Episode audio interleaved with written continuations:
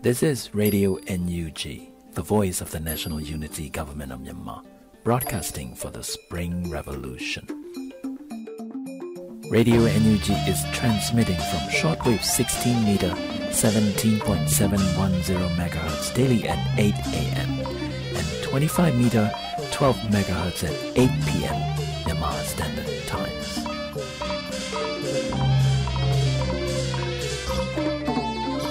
င်္ဂလာပါခင်ဗျာအမျိုးသားညီညွတ်ရေးအစိုးရရဲ့အသံလွှင့်ဌာန Radio NUG ကိုမနေ့၈နာရီမှာလိုင်းဒိုမီတာ16မီတာ18.87 MHz ညဘက်မှာလိုင်းဒိုမီတာ25မီတာ12 MHz တို့မှာတိုက်ရိုက်ဖမ်းယူနားဆင်နိုင်ပါပြီမင်္ဂလာအပေါင်းနဲ့ပြည့်စုံကြပါစေ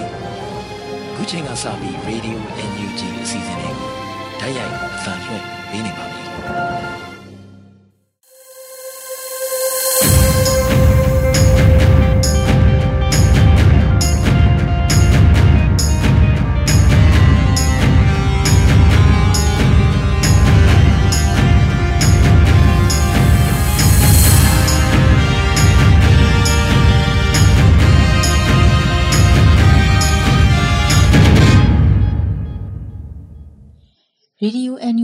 ဆက်လက်တန်လှည့်နေပါတယ်။ပြည်တွင်းသတင်းများကိုတင်ဆက်ပေးပါမယ်။ကျမကတော့ຫນွေဦးရှူပါပါ။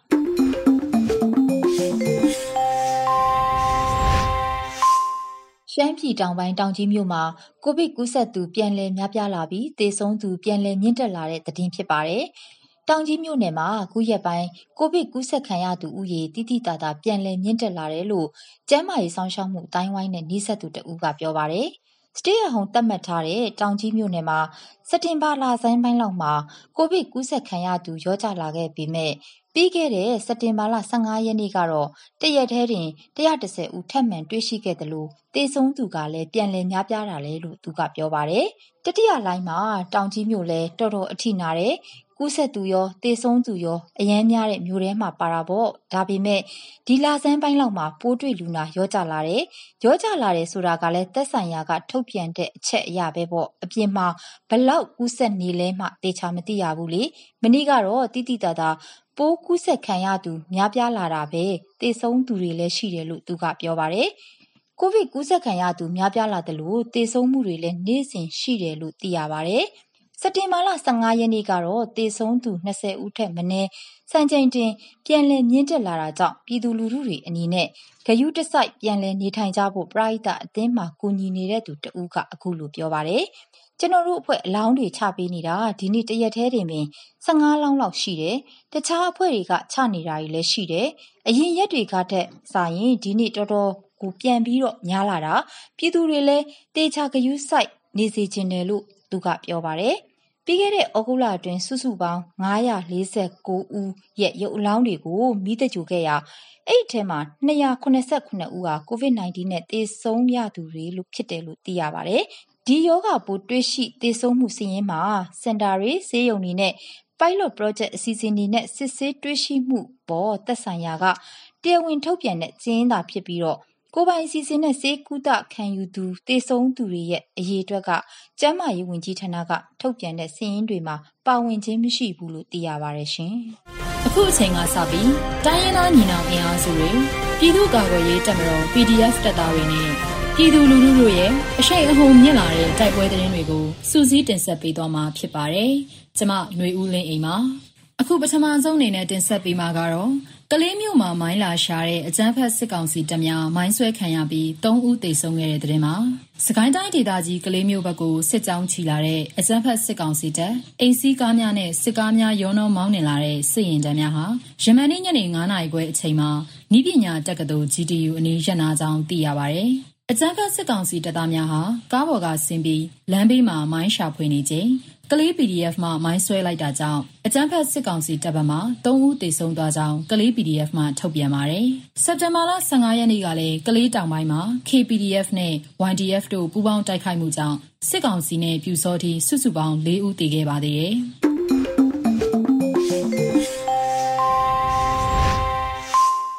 ဆက်လက်ပြီး တင်ဆက်ပေးမှာကတော့ မွန်ပြည်နယ် ကာကွယ်ရေးတပ် MSDF ကို ဖွဲ့စည်းခဲ့တဲ့သတင်း ဖြစ်ပါတယ်။ မွန်ပြည်နယ်ကာကွယ်ရေးတပ် Mon State Defense Force MSDF ကို အကြမ်းဖက်စစ်ကောင်စီအမြင့်ပြတ်ချေမှုန်းနိုင်ရေးအတွက် မွန်ပြည်နယ်အတွင်းရှိ ပြည်သူပြည်သား တိုင်းရင်းသားလူမျိုးတွေနဲ့ ဖွဲ့စည်းထားရှိပြီဖြစ်ကြောင်း ကြေညာချက်တရက်ထုတ်ပြန်လာတာဖြစ်ပါတယ်။ဖွဲ့စည်းရတဲ့ ရည်ရွယ်ချက်တွေကတော့ အကြမ်းဖက်စစ်ကောင်စီနဲ့၎င်းရဲ့လက်အောက်ခံ စစ်တပ် ရဲတပ်ဖွဲ့တို့မှပြည်သူလူထုအပေါ် မတရားတပ်ဖြတ်ခြင်း ဖမ်းဆီးခြင်း ညှဉ်းပန်းနှိပ်စက်ခြင်းတို့အား ကာကွယ်တားဆီးရန် ပြည်သူလူထုအား ဒုက္ခပေးနေတဲ့ စစ်ကောင်စီရဲ့ စစ်တပ်ဖွဲ့ဝင်တွေ ရဲတပ်ဖွဲ့ဝင်တွေနဲ့၎င်းစစ်ကောင်စီတို့ရဲ့ ကာကွယ်ရေး အဆောက်အုံတွေ အကြမ်းဖက် စစ်တပ်စခန်းတွေ ရဲစခန်းတွေကိုဥတီပြစ်မှတ်ထား တိုက်ခိုက်ရန် စစ်ကောင်စီရဲ့ အုပ်ချုပ်ရေးရန်နေရာများ အပီးတိုင်ချုပ်ငင်းရေးအတွက် တိုက်ခိုက်ဖြိုခွင်းသွားရန် စစ်ကောင်စီရဲ့ထင်းချုပ်ကန့်သက်မှုအောက်မှာ တာဝန်ထမ်းဆောင်နေရတဲ့ တပ်ဖွဲ့ဝင်များအား CDM လှုပ်ရှားမှုတွင်ပုံမပါဝင်လာစေရန်စီယုံဆောင်ရွက်ရေးနဲ့အကူအညီပေးရန် စစ်အာဏာရှင်စနစ်အားခြေမုံတိုက်ဖြတ်ရေးတွင်ပြည်သူလူထုတရက်လုံးပူးပေါင်းပါဝင်လာစေရေးစီယုံသွားရန်တို့ဖြစ်တယ်လို့ဖော်ပြထားတာတွေ့ရပါတယ်။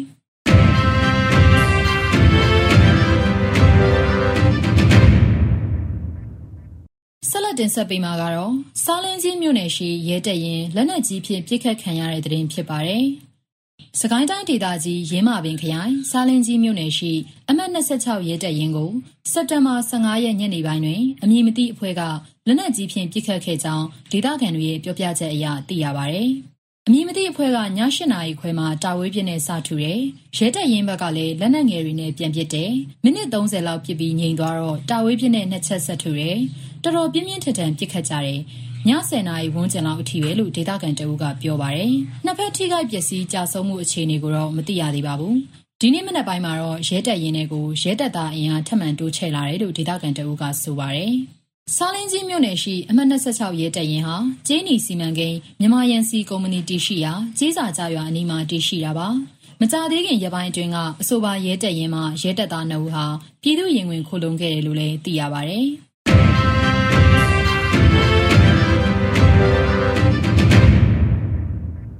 ဆက်လက်တင်ဆက်ပေးမှာကတော့တရားသောခုခံတော်လှန်ရေးစတင်ပြီးတပတ်အတွင်းစစ်ကောင်စီတပ်သား200နီးပါးတေဆုံးခဲ့ကြောင်းအမျိုးသားညီညွတ်ရေးအစိုးရကာကွယ်ရေးဝန်ကြီးဌာနကထုတ်ပြန်ခဲ့တဲ့သတင်းဖြစ်ပါတယ်။တရားသောခုခံတော်လှန်ရေးစတင်ကြောင်းကြေညာခဲ့ပြီးတပတ်အတွင်းမှာစစ်ကောင်စီတပ်သား200နီးပါးတေဆုံးခဲ့တယ်လို့အမျိုးသားညီညွတ်ရေးအစိုးရကာကွယ်ရေးဝန်ကြီးဌာနကဒီနေ့ထုတ်ပြန်ပါတယ်။ အမျိုးသားညီညွတ်ရေးအစိုးရ NUG က တရားတော်ခုခံတော်လှန်စစ် စတင်ပြီဖြစ်ကြောင်း တရားဝင်ကြေညာတဲ့ စက်တင်ဘာ9ရက်မှ23ရက်အတွင်းမှာ စစ်ကောင်စီတပ်သား192ဦး သေဆုံးခဲ့ပြီး ဒဏ်ရာရရှိသူ68ဦး ရှိခဲ့တယ်လို့ ထုတ်ပြန်ချက်မှာ ဖော်ပြပါဗျ။တိုင်းပြည် တည်ငြိမ်အေးချမ်းမှုကို အထူးလိုလားတဲ့တက်မတော်သားနဲ့ ရဲတပ်ဖွဲ့ဝင်တွေအနေနဲ့ လူတစုကိုသာ ကြီးပွားချမ်းသာစီပြီး လူအများစုရဲ့ဘဝနဲ့အနာဂတ်မရှိတဲ့အဖွဲ့အစည်းအောက်ကရုံထွက်ပြီးပြည်သူရင်ဝင်အမြန်ဆုံးခိုလုံကြဖို့ကာကွယ်ရေးဝန်ကြီးဌာနကထပ်မံတိုက်တွန်းလိုက်ပါတယ်။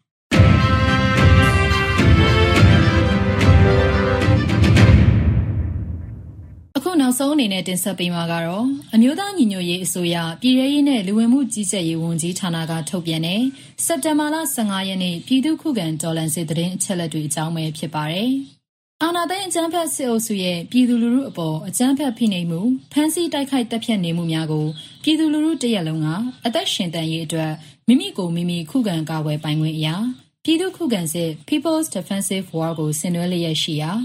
တရင်ချက်လက်များအရာ15ရက်6လ2021ရက်နေ့တွင်ပြည်သူ့စစ်ရေးပြစ်မှတ်14နေရာအုပ်ချုပ်ရေးပြစ်မှတ်10နေရာစီးပွားရေးပြစ်မှတ်17နေရာတို့ကိုခုခံတိုက်ခိုက်နိုင်ခဲ့တယ်လို့ထုတ်ပြန်ချက်မှာဆိုပါရယ် စစ်အာဏာရှင်စနစ်မြမအမျိုးပေါ်ကနေအပီးတိုင်ချုပ်ငင်းရေးနဲ့ Federal Democracy တိဆောက်ရေးအတွက်ငြင်းချမ်းစွာဆန္ဒပြနေကြတဲ့လူလူတပိတ်တိုက်ပွဲတွေကလည်းတိုင်းဒေသကြီးတွေမှာဖြစ်ပွားပေါ်ပေါက်လျက်ရှိတယ်လို့ပါရှိပါရယ်မြေပြင်တွင်ယခုသတင်းအချက်အလက်တွေထက်ပိုမိုဖြစ်ပွားနိုင်တယ်လို့လည်းရေးသားထားပါတယ်။ရေတော်ဘုံအောင်ရမည်ရေတော်ဘုံအောင်ရမည်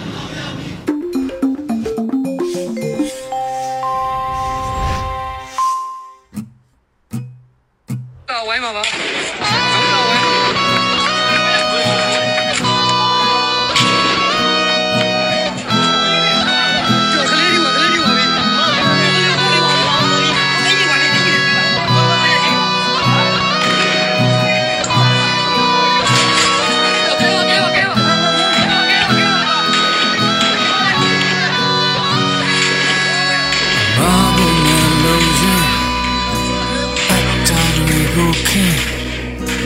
ပါပါချို့ဘဝတွေကိုရင်လိုက်ရတာမတန်ဘူးဟဲ့အခွေစက်တွေကိုခင်းအပြစ်မဲ့ပြည်သူကိုဆလနဲ့နဲ့ညင်ပန်းနိုင်ယူပေါက်ပြတ်ခဲ့တဲ့လူချင်းဝတ်တွေလမ်းမတက်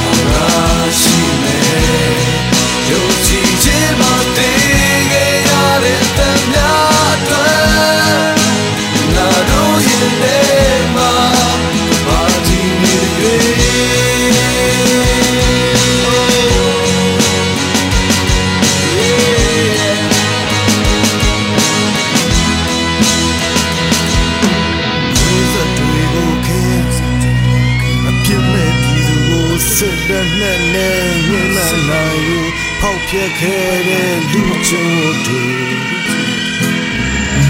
လမ်းမောချက်ကသွေးမြဦးကောင်းချက်ကသွေးရတယ်လွတ်လပ်ခြင်းရဲ့လမ်းကိုတသွေးဆိုပေးစခဲ့ကြတယ်အလိုရဲ့မြေရောက်ခုချင်းတွေရှင်းစတိုင်းမဲ့ပွဲရနိုင်ရမယ်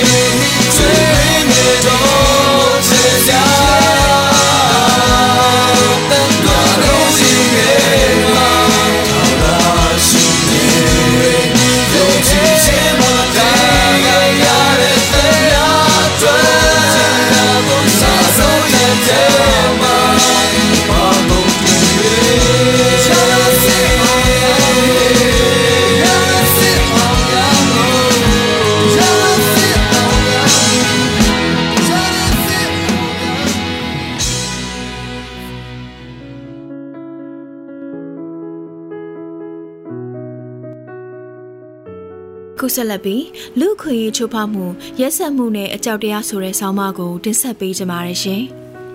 စစ်အာဏာသိမ်းမှုကိုစန့်ကျင်တဲ့ဆန္ဒပြမှုတွေကိုစစ်ကောင်စီတပ်တွေကနှိမ်နင်းရမှာလွန်ခဲ့တဲ့မတ်လဆန်းကစလို့ကြည်စစ်တွေကိုပဲအများစုသုံးလာတာ ဖန်ဆီးခံရချိန်မှာရိုက်နှက်တာရိုက်နှက်လို့အသက်ဆုံးရှုံးသွားတဲ့ဖြစ်ရပ်တွေအတွက်လဲဘယ်လုံခြုံရေးတပ်ဖွဲ့ဝင်မှတာဝန်ခံစရာမလိုတာအချို့ကစစ်ကြောရေးလို့ခေါ်တဲ့တပ်နဲ့ရဲထောက်လန်းရေးတွေရဲ့နှိပ်စက်မှုမှာအသက်ဆုံးရှုံးမှုတွေမကြမကြာသတင်းတွေကြားသိနေရတာ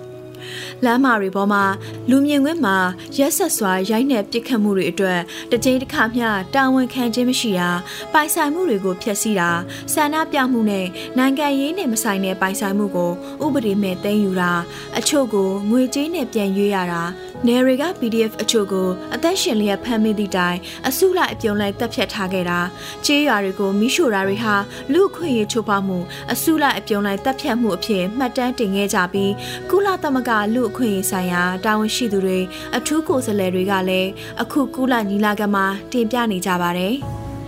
ဒီလိုရက်ဆက်မှုတပ်ဖြတ်မှုပိုင်ဆိုင်မှုလူယူမှုတွေကိုစစ်ကောင်စီတပ်တွေကဘလို့စင်ကြေနဲ့ဘလို့စီးရုံးသိမ်းသွင်းမှုမျိုးနဲ့လုတ်ကင်စေတာလဲဆိုတာတက်တက်ကွက်ကွက်တော့မသိရပါဘူး။သို့ပေမဲ့တစ်ချက်ကလက်နက်ကင်တွေကိုဒီလိုလှုပ်ဆောင်ခွင့်ပေးချမှလူဒုဆန္ဒပြမှုစစ်အာဏာသိမ်းဆန့်ကျင်မှုကိုနှိမ်နင်းရမှာလက်နက်ကင်တပ်ဖွဲ့ဝင်တွေအတွက်မလုံးဖြစ်စေနိုင်တယ်။ တစ်ဖက်ကသူတွေကိုရွေးကောက်ပွဲမှာမဲမတမာခဲ့တယ်လို့ဆွဆွဲထားတဲ့ NLD နဲ့ NLD ထောက်ခံသူလို့ပုံဖော်ထားပြီးအဲ့လိုအုပ်စုဝင်တွေကိုလှုပ်တာမှန်တယ်လို့အုံနောက်စေးကြောမှုဆိုတဲ့ရုပ်တိနဲ့ကိုက်ညီတယ်။ဟဟိုးအရင်ပရိတရိခကလိုစစ်တိုက်လို့နိုင်ရင်ရန်သူပစ္စည်းတွေလူယူခွင့်သိမ်းယူခွင့်ရှိတယ်ဆိုတာမျိုးနဲ့တပ်ဖွဲ့ဝင်တွေကိုမလုံးပေးတာမျိုးဖြစ်နိုင်တယ်လို့မှန်းဆကြည့်မိပါတယ်။ 2016နဲ့2019ခုနှစ်တွေမှာဖြစ်ပွားခဲ့တဲ့ရခိုင်ပြည်နယ်မြောက်ပိုင်းရိုဟင်ဂျာပျောက်ကြားတွေကိုနှိမ်နင်းမှုတွေမှာလည်းအသက်ပေါင်းထောင်ကနန်းကိုကျော်လွန်ပြီးတောင်းကနန်းအထိတပ်ပြတ်ခဲ့တဲ့ဖြစ်ရပ်တွေရှိခဲ့ပြီးအဲ့ဒီတုန်းကကျေးရွာတွေမှာလူ4-500ကိုတပြိုင်တည်းပြစ်တက်ပြီးတောင်စုပြီးမြုံနှံခိုင်းခဲ့တဲ့အဖြစ်အပျက်တွေမင်းကြီးရွာတူလာတိုလီချွတ်ပြင်ရွာနဲ့မောင်နုကျေးရွာတို့မှာဖြစ်ပျက်ခဲ့ပူပါတယ်။ NLD အစိုးရလက်ထက်မှာတာဝန်ပေးခဲ့တဲ့လွတ်လပ်တဲ့စုံစမ်းစစ်ဆေးရေးကော်မတီ ICOE ရဲ့အစီရင်ခံစာမှာအဲ့ဒီအဖြစ်အပျက်တွေမှာလုံခြုံရေးတပ်ဖွဲ့ဝင်တွေနဲ့အရက်သားတွေဟာစစ်ရာဇဝတ်မှုတွေကျူးလွန်ခဲ့တယ်လို့မှတ်ချက်ပြုထားပြီးလူမျိုးတုံးတပ်ဖြတ်မှုတွေမရှိခဲ့ဘူးလို့အစီရင်ခံစာမှာဆိုခဲ့ပူပါတယ်။အဲ့ဒီတုန်းကတည်းကမြန်မာစစ်တပ်ရဲ့အစုလိုက်အပြုံလိုက်တပ်ဖြတ်မှုတွေကိုတပ်တွေထောက်ထားတဲ့ကဘာကသိရှိခဲ့ပြီးဖြစ်ပါတယ်။ အဲ့ဒီအဖြစ်အပျက်တွေအတွက်အဲ့ဒီတုန်းကစစ်တိုင်းမှုနဲ့အထူးစစ်စင်ရေးမှုတခြားတဦးနှစ်ဦးကိုသာယာဒုကအနာပေးခဲ့တာတွေရှိခဲ့ပြီးဖန်စည်းခံရတာကအင်းကျင်အဖြစ်အပျက်အတွက်အောက်ခြေအဆင့်အရာရှိနဲ့တပ်သားအချို့သာဖြစ်ပြီးလအတန်ကြာမှာပဲလူမသိခင်စစ်ဦးစီးချုပ်အမိန့်နဲ့လွှတ်ပေးခဲ့တာဖြစ်ပါတယ်။ ဒီတာရကတွေကမြန်မာစစ်တပ်ကအခုလိုလူအခွင့်အရေးချိုးဖောက်မှုတွေကိုကျူးလွန်ခဲ့မှုတဲ့အတွေ့အကြုံဖုံးကွယ်ဖျောက်ဖျက်ပစ်တဲ့အတွေ့အကြုံရှိခဲ့တဲ့ဆိုတာကိုထင်ရှားစေချင်တာဖြစ်ပါတယ်။ယခုအာနာသိမ့်ပြီးအဖြစ်အပျက်တွေကအဲ့ဒီတုန်းကဖြစ်ရတဲ့ဆိုင်ရင်ကိန်းကနန်းတွေကနည်းနေသေးတယ်လို့တောင်အာနာသိမ့်စစ်ကောင်စီဘက်ကယူဆကောင်းယူဆပါလိမ့်မယ်။ ရခိုင်မှာလိုလူပေါင်း၄900ကိုတနေရာတဲ့တရက်ထဲပြစ်တက်ခဲ့တဲ့အတွေ့အကြုံရှိပြီးလက်ရဲစရဲလာတဲ့စစ်တပ်လိုမျိုးစစ်ကောင်းဆောင်တွေကအထက်ကရေးခဲ့သလိုကာကွယ်ပေးခဲ့ပြီးအခုလိုစစ်အာဏာသိမ်းမှုနောက်မှာရက်ဆက်မှုတပ်ဖြတ်မှုတွေကိုဆက်လက်ကျူးလွန်ကြတာမျိုးဖြစ်ပါတယ်။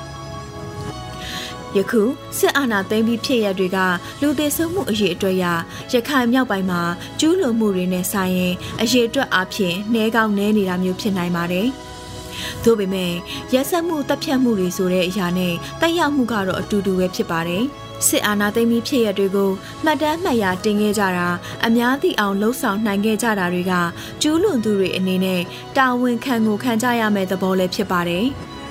ရခိုင်မှာတပ်ဖြတ်မှုတွေကလူသားမျိုးနွယ်ကိုကျူးလွန်တာလို့မယူဆပဲလူမျိုးစုတစုကိုပြစ်မှတ်ထားတာသူတို့ရဲ့နိုင်ငံသားဖြစ်ခွင့်ရှိခြင်းမရှိခြင်းရွှေပြောင်းဝင်ရောက်လာတယ်လို့မှတ်ယူခြင်းတန်တရားစားတဲ့ရှုထောင့်တွေဝါဒဖြတ်မှုတွေနဲ့အခြားသောလူမျိုးစုမျိုးနွယ်စုတွေတဲကအချို့ကလှစ်လူရှုခဲ့ကြတာဖြစ်ပါတယ်အဲ့ဒီအခြေအနေတွေကြောင့်လဲစစ်တပ်ဟာအခုတပ်ပြတ်မှုတွေဆက်လက်ကျူးလွန်မှုအတွက်ယုံကြည်မှုရစေခဲ့တာဖြစ်ပါတယ်။ ပြီးခဲ့တဲ့9လတာအတွင်းမြို့တွေရဲ့လမ်းမတွေပေါ်မှာလက်နက်မဲ့ဆန္ဒပြသူတွေရဲ့ဦးခေါင်းကိုချိန်ရွယ်ပစ်ခတ်မှုမျိုးဒီနေ့အိမ်မှာလာဖမ်းပြီးမနှက်ဖြန်အလောင်းလာယူဖို့အကြောင်းကြခံရတာမျိုးလမ်းမတွေပေါ်လဲကျနေတဲ့ဆန္ဒပြသူလူငယ်တွေကိုဦးခေါင်းကိုချိန်ရွယ်ပစ်တတ်တာမျိုးနေအိမ်တွေထဲထိဝင်ဖမ်းမှုကျူးကျော်ဝင်ရောက်လာပြီးအရွယ်မရောက်သေးတဲ့ကလေးငယ်အချို့ပါမိဘမျက်စိရှိတဲ့ပြစ်တက်ခံလိုက်ရတာမျိုး ကျေးရွာတွေမှာမတိန်ရှောင်နိုင်တဲ့တက်ကြီးရွယ်အိုတွေကိုရိုက်နှက်တာရွာတွေမှာမီးရှို့ရမှာတက်ကြီးရွယ်အိုတွေပါမီးထဲပါပြီးတေဆုံးကြရတာမျိုး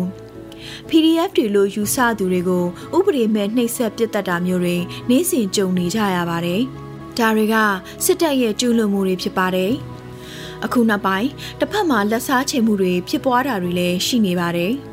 တရင်ပေးလို့ယူဆသူတရင်ပေးသူတွေအုပ်ချုပ်ရေးမှုတွေကိုတဦးချင်းပြစ်မှတ်ထားတာအချို့သောဖြစ်ပျက်တွေမှာမိသားစုဝင်တွေပါလောက်ကျန်တက်ဖြတ်မှုမှာတည်ဆုံရတာတွေရှိနေတာတွေ့ရပါတယ်။လောက်ကျန်တက်ဖြတ်မှုကိုဘလို့ကျူးလွန်မှုမျိုးအတွက်ပြစ်ပေးကြတာလေ။တပ်ဖြတ်ဖို့အတွက်တစ်ဖက်ကလက်နက်ကင်ဖွဲ့ဝင်လာအဖွဲ့ဝင်မဟုတ်သူတွေကိုနိုင်ငံရေးအရာသူတို့ကိုထောက်ခံသူတွေဖြစ်တာနဲ့တပ်ဖြတ်ဖို့လုံလောက်သလား။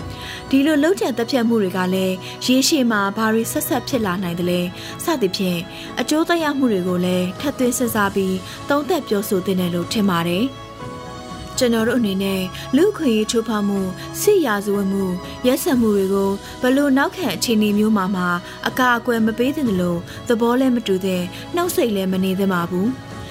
အအကြောက်တရားနဲ့နိုင်ငံရေးအယူဆတစ်ခုစနစ်တစ်ခုကိုတည်ဆောက်မယ်ဆိုအဲ့ဒီနိုင်ငံရေးစနစ်ဟာလွတ်လပ်သောတရားမျှတသောတာဝန်ခံမှုရှိသောနိုင်ငံရေးစနစ်ဖြစ်မလာနိုင်မဲ့အရေးလဲမျှော်တွေးထရမယ်လို့ယူဆမိပါကြောင်းတင်ဆက်ပေးလိုက်ရပါတယ်ရှင်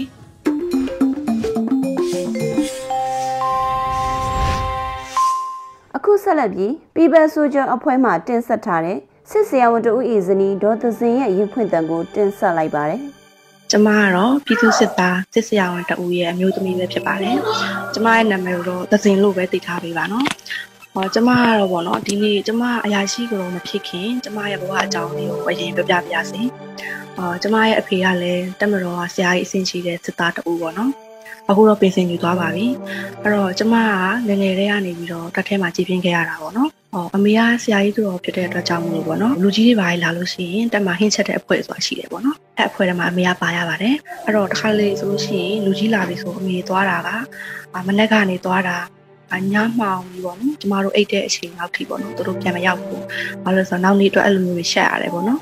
အဲ့လိုအချိန်မျိုးမှာပေါ့နော်အမနေ့ပိုင်းကြောင်းသွားလို့ရှိရင်သမင်းကြိုက်ထဲမှာကြောက်ကြော်တစ်လုံးနဲ့ပေါ့နော်သွားခဲ့ရတဲ့နေ့တွေရှိပါတယ်အဲ့ထဲကကျမတို့က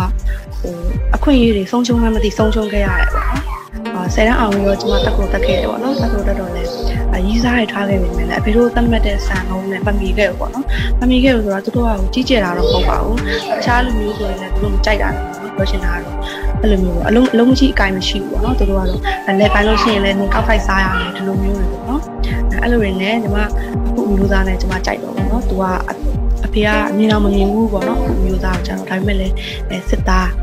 ဆက်စရာအောင်ဖြစ်တာနဲ့ချက်ထဲနဲ့ပေါ့နော်အပြင်မှာတော့မတွေ့ဘူးသေးပါဘူးအဲလူရင်မွေးလေးဆိုပြီးတော့ပေါ့နော်မင်္ဂလာဆောင်မှုအစင်မပြေသေးတာတော့မှသူတို့ချက်ချင်းမင်္ဂလာဆောင်ပေးခဲ့တယ်ပေါ့နော်အဲအဲ့လိုနဲ့ကျမအရာရှိကတော့ဖြစ်လာခဲ့ပါတယ်အဲအရာရှိကတော့ဖြစ်လာတော့ပေါ့နော်မိကိုသားသမီးဘဝနဲ့တကယ်အရာရှိကတော့ဘဝဖြစ်လာတဲ့ရှိလက်တွေ့ရမတူတဲ့ဟာတွေကိုအတွင်းကြကြသိခဲ့ရပါတယ်အဲကျမကတက်မတော်ကြီးကိုရှိလို့စစ်သားကိုယူခဲ့တယ်ပေါ့နော်ကလေးကလည်းသမီးမင်းကလေးမှန်းသိလာတဲ့အခါမှာလည်းပေါ့နော်ဟောငါသမီးကိုလည်း ကြီးလာရင်လည်းပေါ့နော်အဲဘိုးကြီးနဲ့ပဲပေးစားမယ်ပေါ့နော်အဲ့လိုမျိုးတိုင်ပင်ခဲ့တာပါကျမအမျိုးသားကပေါ့နော်အာနာမသိငင်လဲသူကအမြဲပြောနေတာပါကျမတော်ကြီးကနေလို့မကောင်းတော့ဘူးပေါ့နော်အဲသူမနေရှင်တော့ဘူးထွက်ကြမယ်ဆိုတော့ဒါသူပြောနေကြပါကျမကတော့လက်မခံခဲ့ပါဘူးဘာဖြစ်လို့လဲဆိုတော့ကျမကိုယ်တိုင်ကအရာရှိတော်ဘဝမှာတာယာမိနေတယ်ပါဒီအတိုင်းဝိုင်းထဲကနေပြီးတော့ရုံထွက်ရှင်နေပါဘူးဒါတော့မှကျမတို့မှာဒီအတိုင်းဝိုင်းထဲမှာနေဖို့ပေါ့နော်ပိုင်ဆိုင်တာများများဆဆတူလည်းဘာမှမရှိပါဘူးရှင်အော် ကျမအသက်ကတော့20ကျော်ပေါ့နော်ကျမတို့အသက်အရွယ်မှာအာဒီဟာဒီဟာပေါ့နော်တာယာဆရာတခုလိုဖြစ်နေတာပေါ့နော်အမျိုးထဲမှာဆိုလို့ရှိရင်လည်းဟဲ့ तू ကစစ်တာကဆရာဝန်နဲ့ညားသွားတာအဖေတွေမေတွေကလည်းဂုံရှိတယ်ပေါ့နော်တမီးဖြစ်သူကဒုတိယနေ့နဲ့ဘောမရဘူးမဲ့ဆရာဝန်မမတက်ကဘိုးကြီးဆရာဝန်ကိုယူနိုင်တယ်ပေါ့ဒီတာယာမှုကပေါ့နော်အမျိုးသားရဲ့ယာရုအဆင်ဟာလူတွေနဲ့ပဲဖြစ်ပါတယ်ကိုယ့်ထက်ကြီးတဲ့လူကြီးတွေရဲ့ဇနီးမယားတွေနဲ့ဆိုရင်ပေါ့နော်ပုံစံမျိုးစုံတော့ဥပမာကိုယ့်ရဲ့ခံစားချက်တွေကိုယ့်ရဲ့အမြင်ကို အောင်ရထားရတာတွေသိခံထားရတာတွေအများကြီးပါအစင်းစင်းတော့ပေါ့နော်ဖိနှိပ်မှုတွေဒီခွဲခြားဆက်ဆံမှုကိုကြုံရတာပေါ့နော်။တဘာဝလို့မြင်ချင်မြင်ကြပါလို့ ရှိရင်မဟုတ်ပါဘူးပေါ့နော်။လူသားတိုင်းမှာမတူညီတဲ့အမြင်တွေသဘောထားတွေရှိကြပါတယ်။ဒါကိုလေးစားရမယ်တန်ဖိုးထားရမယ်။လူသားချင်းစာနာမှုမေတ္တာကရုဏာထားရမယ်ဆိုတာလည်းပေါ့နော်။ကျမတို့တရားဟောတရားတွေတဲ့အဆိုဆုံးမှမှုတစ်ခုလည်းဖြစ်ပါတယ်။အဲအဲ့လိုလဲပေါ့နော်။နေလာရဲလဲကြားတယ်အကြောင်းတွေလည်းသိလာရဲပေါ့နော်။ကြားလာတဲ့ခါကျတော့အဲ့ဒီအချိန်မှာတခြားတက်ကအတိအမတွေပေါ့နော်။အမျိုးသားတွေကြသွားကြတယ်ပြောတယ်ပေါ့နော်။ရှိတယ်။အဲ့မှာတဖြည်းဖြည်းနဲ့ဗာသိလာလဲဆိုတော့ကိုယ့်ယောက်ျားအလောင်းကပုံမပိုင်ဘူးပေါ့နော် ပိုဆိုးတာကသူတို့အတွက်အသက်ပေးနေရတာပေါ့မတန်တော့တာပေါ့နော်သူတို့ကဘာပြန်ရလိုက်လဲဆိုတော့တင်ဒီတက်မလို့နဲ့ဘာမှမသက်ဆိုင်တော့ပါတင်သွားလို့ရသွားနိုင်ပါလားဆိုတော့အမိတ်ပြန်တာပေါ့နော်အဲ့အမျိုးကြားလို့ရှိရင်တကယ်ဝမ်းနေမိတာပါကျမအနေနဲ့လည်းပေါ့နော်အနာဂတ်မှာတကယ်ကိုအဆင့်တန်းပြည့်မီတဲ့တက်မတော်ကြီးဖြစ်လာမယ်လို့မျှော်လင့်နေခဲ့တာပါ။ မျှော်လင့်လို့လည်းမဆုံးပါဘူး။အာနာသိန်းနေပေါ့နော်။သိန်းပြီးတော့အင်တာနက်ဖြတ်တယ်။အာ Wi-Fi ပြန်ရတော့လည်း Facebook အကောင့်ကိုတက်ရုံကိုပေးရတယ်ပေါ့နော်။ဒါဟာရရှိပေါ်တယ်မကပါဘူး။မိကိုသားသမီးတွေအကုန်ပေါ့နော်။သုံးလို့လည်း Facebook အကောင့်တွေပေးရပါတယ်။အဲ့အချိန်မှာကျမနဲ့အမျိုးသားနဲ့တိုင်ပင်နေပေါ့နော်။အမျိုးသားကလည်းရှေ့တန်းရောက်နေတဲ့အချိန်။အမျိုးသားကလည်းကျမခွင့်ပြုတာနဲ့ ready ပေါ့နော်။သိရဲ့အတိုင်းပဲပစ္စည်းတွေဘာတွေကတော့ဘာမှတည်လို့ရမှာမဟုတ်ဘူးဒီကာလမှာ အဲ့ဒါကြောင့်လို့အိမ်မှာရှိတာတွေကြိုပြီးတော့ရောင်းနေပေါ့နော်။နည်းနည်းနည်းနည်းသူတို့လည်းမချိန်မိအောင်ရောင်းပြီးတော့လမ်းစရိတ်လေးရအောင်ပေါ့နော်။ကလေးကလည်းငယ်ပြီးတော့နှုတ်မို့လည်းတိုက်တာဆိုတော့ပေါ့နော်။အဲအဲသူ့တက်ပစ္စည်းလေးတွေလည်းထည့်ပြီးတော့ကားကိုစင်းလုံးငှားလိုက်တယ်ပေါ့နော်ကားစင်းလုံးငှားပြီးတော့ဈေးသွားမယ်ဆိုပြီးတော့ပေါ့နော်ထွက်ခဲ့ကြတာပါဟောစိတ်ရှားရတဲ့နေရာမရောက်ခင်အထိပေါ့နော်လူများယောက်ကတယောက်နဲ့တယောက်လက်ကိုချစ်ချစ်ပါအောင်ဆော့ပြီးတော့ပူပန်မှုတွေနဲ့လက်ကိုလက်ကြည့်လက်ကြည့်လိုက်လာမလားပေါ့နော်အဲ့လိုမျိုးပေါ့အဲ့လိုမျိုးနဲ့ပေါ့နော်ဒီခုစိတ်ရှားရတဲ့နေရာရောက်တဲ့အထိပါပဲ အခုစိတ်ရတဲ့နေရာရောက်တဲ့အထိလည်းအဲ့လိုပဲပေါ့နော်စိုးရိမ်တိတ်တာတော့ရှိနေလို့ပဲအဲအိမ်ကတော့မသိဘူးပေါ့နော်အိမ်ကမသိဘူးမသိတော့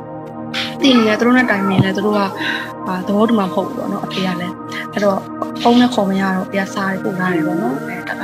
ညာရှိကြီးလာသွားတယ်ပေါ့အဲ့လိုဘာပြဿနာရှိလဲရှိတဲ့ပြဿနာကိုဖြေရှင်းမိမပြန်လာခဲ့ပေါ့နော်သူပြောရတယ်အဲ့လိုပြောညီမကလည်းအဖေကိုတခြားပြပြလိုက်ပါတယ်ဘာပြဿနာမှမရှိပါဘူးလို့မတရားတာကိုလက်ပိုက်ကြည့်မနေနိုင်တော့လို့ပေါ့နော် ထွက်လာခဲ့တာပါလို့အဖေကမှစိတ်ဝင်နေဆိုပြီးတော့ပေါ့နော်အဲ့ဒါကအဖေကတော့အခုဒီဖုန်းဆက်ဖြစ်ပြီပေါ့နော်တစ်ခါတလေတော့သူပြောပါတယ်အခုထိလည်းအိမ်ကိုလာပြီးတော့တလားတစ်ခါလောက်ပေါ့နော်လာလာကြည့်ကြည့်နေတော့မယ်ပေါ့နော်အဲ့တော့မို့ကြအဲ့ဒါကြောင့်မလို့မိသားမိဘတွေဒုက္ခရောက်မှာဆိုလို့လည်းကျွန်မအိမ်ပြန်ဖြစ်ပြီပေါ့ဟောဒီလမ်းကိုရွေးဖက်ပြီးပြီးလို့ကောင်းဒီစိုးဒီကျွန်မတို့နေဆိုင်ပါပါကျွန်တော်တို့ကလေးအမေနာမလေးဆရာတော်ပေါ့နော်အခက်ခဲတွေကတော့အများကြီးပါအခုနေတောင်းရင်ခုနေပြီးတဲ့ အမားတွေလည်းရှိတယ်ပေါ့နော်ပြီးတော့ဒီ people soldier team လည်းရှိတယ်ပေါ့နော်တကယ်ကိုလေးစားပါတယ်ဒီနေရာကနေကျွန်မကျေးဇူးတင်ကြောင်းလည်းပြောချင်ပါတယ်ရှင်အဲကျွန်မကတော့ပေါ့နော်အခုလိုပြီးတော့အမျိုးသားကိုခွင့်ပြုလိုက်ရခွင့်ပြုပေးလိုက်ရတဲ့အတွက်လည်းပေါ့နော်လောင်လာရမှာလည်းမဟုတ်ပါဘူးအခုဆိုတခါလေးတော့စိတ်ထကြမိရပါတော့အဲ့လိုမျိုးအစီအမရရရှိရတဲ့ရှင်တိုင်းစိတ်ထကြမိပါတယ်အဲ့လိုရှင်တိုင်းမှာလည်းတယောက်နဲ့တယောက်အားပေးပြီးတော့ပေါ့နော် အဲ့လိုပဲအားတင်းပြီးတော့ပဲနေနေပါတယ်ပြီးတော့ပေါ့နော်ဒီစကားတွေကဒီအဖွဲ့အစည်းတွေကမှထွက်လာတာမအောင်ရတာမဟုတ်ပါဘူးတကယ်ကိုအရှိကိုအရှိတိုင်းကျမကြုံတွေ့ရတာတိုင်းပြောပြတာပါအထဲမှာနေတော့ပေါ့နော်အတန်မထွက်ပဲအခုမှဘာဖြစ်လို့ဒီလိုစကားတွေပြောလဲဆိုပြီးတော့မေးရှင်တဲ့လူများရှိခဲ့ရေပေါ့နော်ဟုတ်ကဲ့ကျမဖြေလိုက်ပါမယ်ရှင်အခုကတော့တရားဝင်လွတ်လပ်ပြီးပုံပေါ်ပါဒီပါရမီဖြစ်တဲ့အင်တာနက်ရဲမိတွေမှာမျိုးသားတွေအဆင်ပြေစေဖို့ တောက်ကတာနေရဖို့ပေါ့နော်ဒီကိုသမီးအရွယ်ပေါ့အရာရှိကြော်လေးတွေကိုပေါ့နော်ကိုသမီးအရွယ်ကိုရဲ့ညီမအရွယ်ဒါမျိုးလေးတွေကိုပေါ့နော်အမအမလို့ခေါ်ပြီးတော့ဖားရတယ်ပေါ့နော်ရိုင်းသွားမလားတော့မသိဘူးရှင် sorry ပါကျမကတော့ပုံမှန်လေးလေးပဲပြောပြခြင်းကျမဆေးဖို့ကြီးကြော်တော့မှအမျိုးသားရှေ့တန်းရောက်နေတဲ့အချိန်မှာပေါ့နော်အဆင်ပြေအောင်နေပေးခဲ့ရတာပါသူဈေးသွားဝယ်မယ်ဆိုလို့ရှိရင်ကလေးကိုထားခဲ့ပြီးလိုက်သွားရတာဘယ်သွားမယ်ဆိုရင်အဲ့လိုလိုက်သွားရတာပေါ့နော်သူကဘာကောက်လိုက်နေရတာပေါ့နော် အဲ့လိုမျိုးတွေကြုံခဲ့ရပါတယ်ပြီးတော့ကျမကရဲမိတွေနဲ့အဆင်ပြေအောင်နေတဲ့အခါမှာလေပေါ့နော်တခါတလေကျရင်သူခေါ်ပြောတယ်ပေါ့နော်အဲသူကအရာရှိကတော့မရောနဲ့ပေါ့သူအဲ့လိုမျိုးခေါ်ပြောပါတယ်အဲ့တော့ယာရုအာနာကိုမမောဘူးပေါ့သူတို့ပဲခေါင်းထဲကိုလိုက်ထည့်ပေးတယ်လို့ကျမကတော့ထင်ပါတယ်ပြီးတော့ဒါမျိုးတွေကတက်မလို့မျိုးမှာအစင်ကတရက်လို့ပြောရမှာတော့မသိဘူးရှင်ဟိုဘယ်သူမှတော့စီကံမထုတ်ထားဘူးပေါ့နော်ဒါပေမဲ့အဲ့လိုမျိုးအဲ့လိုပဲဖြစ်နေတာပါအရင်တော့ကပေါ့နော်တငယ်ချင်းတွေကြားတယ် ဂုံယူပြီးတော့ပြောနိုင်တယ်ပေါ့နော်ငါဘသူငါအမျိုးသားအဲ့လိုပြောရတဲ့နောက်ပိုင်းဟိုအာနာသိန်းရဲ့နောက်ပိုင်းမှာပေါ့တိမ်ငယ်လာမိတယ်ပေါ့နော်တငယ်ချင်းရဲ့စကားပြောရင်လည်းကိုကမဝိမရဲဖြစ်လာတယ်ဒီအဖွဲ့အစည်းထဲမှာနေနေရတာဟောပါပေါ့နော်လူတော်မတိုးရဲလောက်တဲ့အထိကိုဖြစ်ခဲ့ပါတယ်အော်ဒါတော့မဟုတ်နော်အခုဒီဟိုတငယ်ချင်းတွေထဲမှာရှိပါတယ်ရှင်ဟို WRAS ဆိုပြီးတော့ပေါ့နော်စာအုပ် Facebook ဖိုင်အိုမှာတင်ပြီးတော့ပေါ့နော်အဲ့တော့ we are army supporting ဆိုပြီးတော့ပေါ့နော်ကျမကပေါ့နော်အဲ့ group တွေကိုအတိအမတယောက်က invite လိုက်တယ်ပေါ့နော်သူကတော့ကျွန်တော်တို့ season လောက်လာတယ်ဆိုတော့မသိဘူးနေပါနဲ့အဲ့တော့ကျမကလည်းအဲ့ group ထဲမှာဘာတွေရှိလဲဆိုတော့ဝင်ကြည့်တာပေါ့နော်အဲ့ group ထဲမှာဘာတွေတင်လဲဆိုတော့တနေ့တနေ့ပေါ့နော်ကျမကတော့ဘယ်ပတ်စင်ဘယ်ပတ်စင်ကဘယ်ဘူကြီးရဲ့အမျိုးသမီးပါ အဲ့ဒီမိတ်ဆက်ဖို့ရယ်ပေါ့နော်ပြီးတော့ဒီကာလမှာကြာဆုံးခဲ့တဲ့ရဲဘော်စစ်တီတွေကိုဝေကောက်ခံရဲဘော်စစ်တီတွေအတွက်ပေါ့နော်ဝေကောက်ခံပြီးတော့ကြံခဲ့တဲ့ရဲမေလေးတနည်းမရတဲ့အတွက်ပေါ့ထောက်ပံ့ပေးတယ်ပေါ့နော်သူတို့မမြင်ရဘူးမကြည့်ရဘူးပေါ့နော်တချို့တွေကလည်းကွန်မန့်တွေမှာမှန်းကြတာပေါ့နော်အများကြီးပဲပေါ့ဘာရဲပြန်ပေးလိုက်ပါတော့သူတို့အရှင်းရှင်းတာပါပေါ့နော်ပြီးတော့တချို့ကြတော့လည်းမနာတတ်ဘူးပေါ့နော်တချို့ကြတော့လည်းကိုယ်သားနာမနာမှန်းသိကြတယ်ပေါ့နော်အဲ့တော့ဒီမှာပြောချင်တာအားလုံးကပေါ့နော်တရှင်းကပြည်သူတွေပါပဲဟော ဒီအဖွဲ့အစည်းတွေရောက်လာပြီးမှပေါ့နော်ဒီအဖွဲ့အစည်းမှဒီအဖွဲ့အစည်းဆိုပြီးတော့ပေါ့နော်ပြောမလဲဇုံလုံးကမ်းပြီးတော့အဲ့လိုမျိုးမဖြစ်စေချင်ပါဘူးကျမထင်ပါတယ်အမတွေကလည်းပေါ့နော်အစင်တန်းရှိတဲ့သူတွေပြီးတော့အာမိကောင်းဖခင်သားသမီးတွေပေါ့နော်အဲ့တော့မိမိကိုယ်ပိုင်ခွင့်ရေးသားသမီးများရဲ့အနာဂတ်ကိုတွေးပြီးတော့ပေါ့နော်အမှန်တရားဘက်ကိုရဲရဲဝံ့ဝံ့ရက်တည်ဖို့အခုဆိုရင်ပြည်သူများကလည်းဝမ်းပန်းတတာကြိုးပမ်းနေတယ်ပေါ့နော်အဲ့တော့ထွက်ခဲ့ကြပါလို့ကျမကတော့ဖိတ်ခေါ်နေတယ်ပေါ့နော်နောက်ဆက်ပြရစီပြည်သူတင်ပါတယ် ဒီကနေ့တော့ဒီညနဲ့ပဲ Radio NUG အစီအစဉ်လေးကိုကိတ္တရန်နာလိုက်ပါမယ်မြမစံတော်ချိန်မနေ့၈နာရီညနေ၈နာရီတို့မှာပြန်လည်တွေ့ဆုံကြပါစို့လိုင်းဒိုမီတာ16 19တက်သမ9တက်ဆုံးည MHz မှာဖမ်းယူနားဆင်နိုင်ပါတယ်မြန်မာနိုင်ငံသူနိုင်ငံသားများကိုစိတ်နှပြချမ်းမာချမ်းသာလို့ဘေးကင်းလုံခြုံကြပါစေလို့ Radio NUG အဖွဲ့သူဖွဲ့သားများ မျိုးသားညီညွတ်ရေးအစိုးရရဲ့ဆက်သွယ်ရေးသတင်းအချက်အလက်နဲ့ဤပညာဝန်ကြီးဌာနကထုတ်လွှင့်နေတဲ့ Radio NUG ဖြစ်ပါတယ် San Francisco Bay Area အခြေစိုက်မြန်မာမိသားစုများနဲ့နိုင်ငံတကာကစေတနာရှင်များလုံအားပေးများရဲ့ Radio NUG ဖြစ်ပါတယ်အရေးတော်ပုံ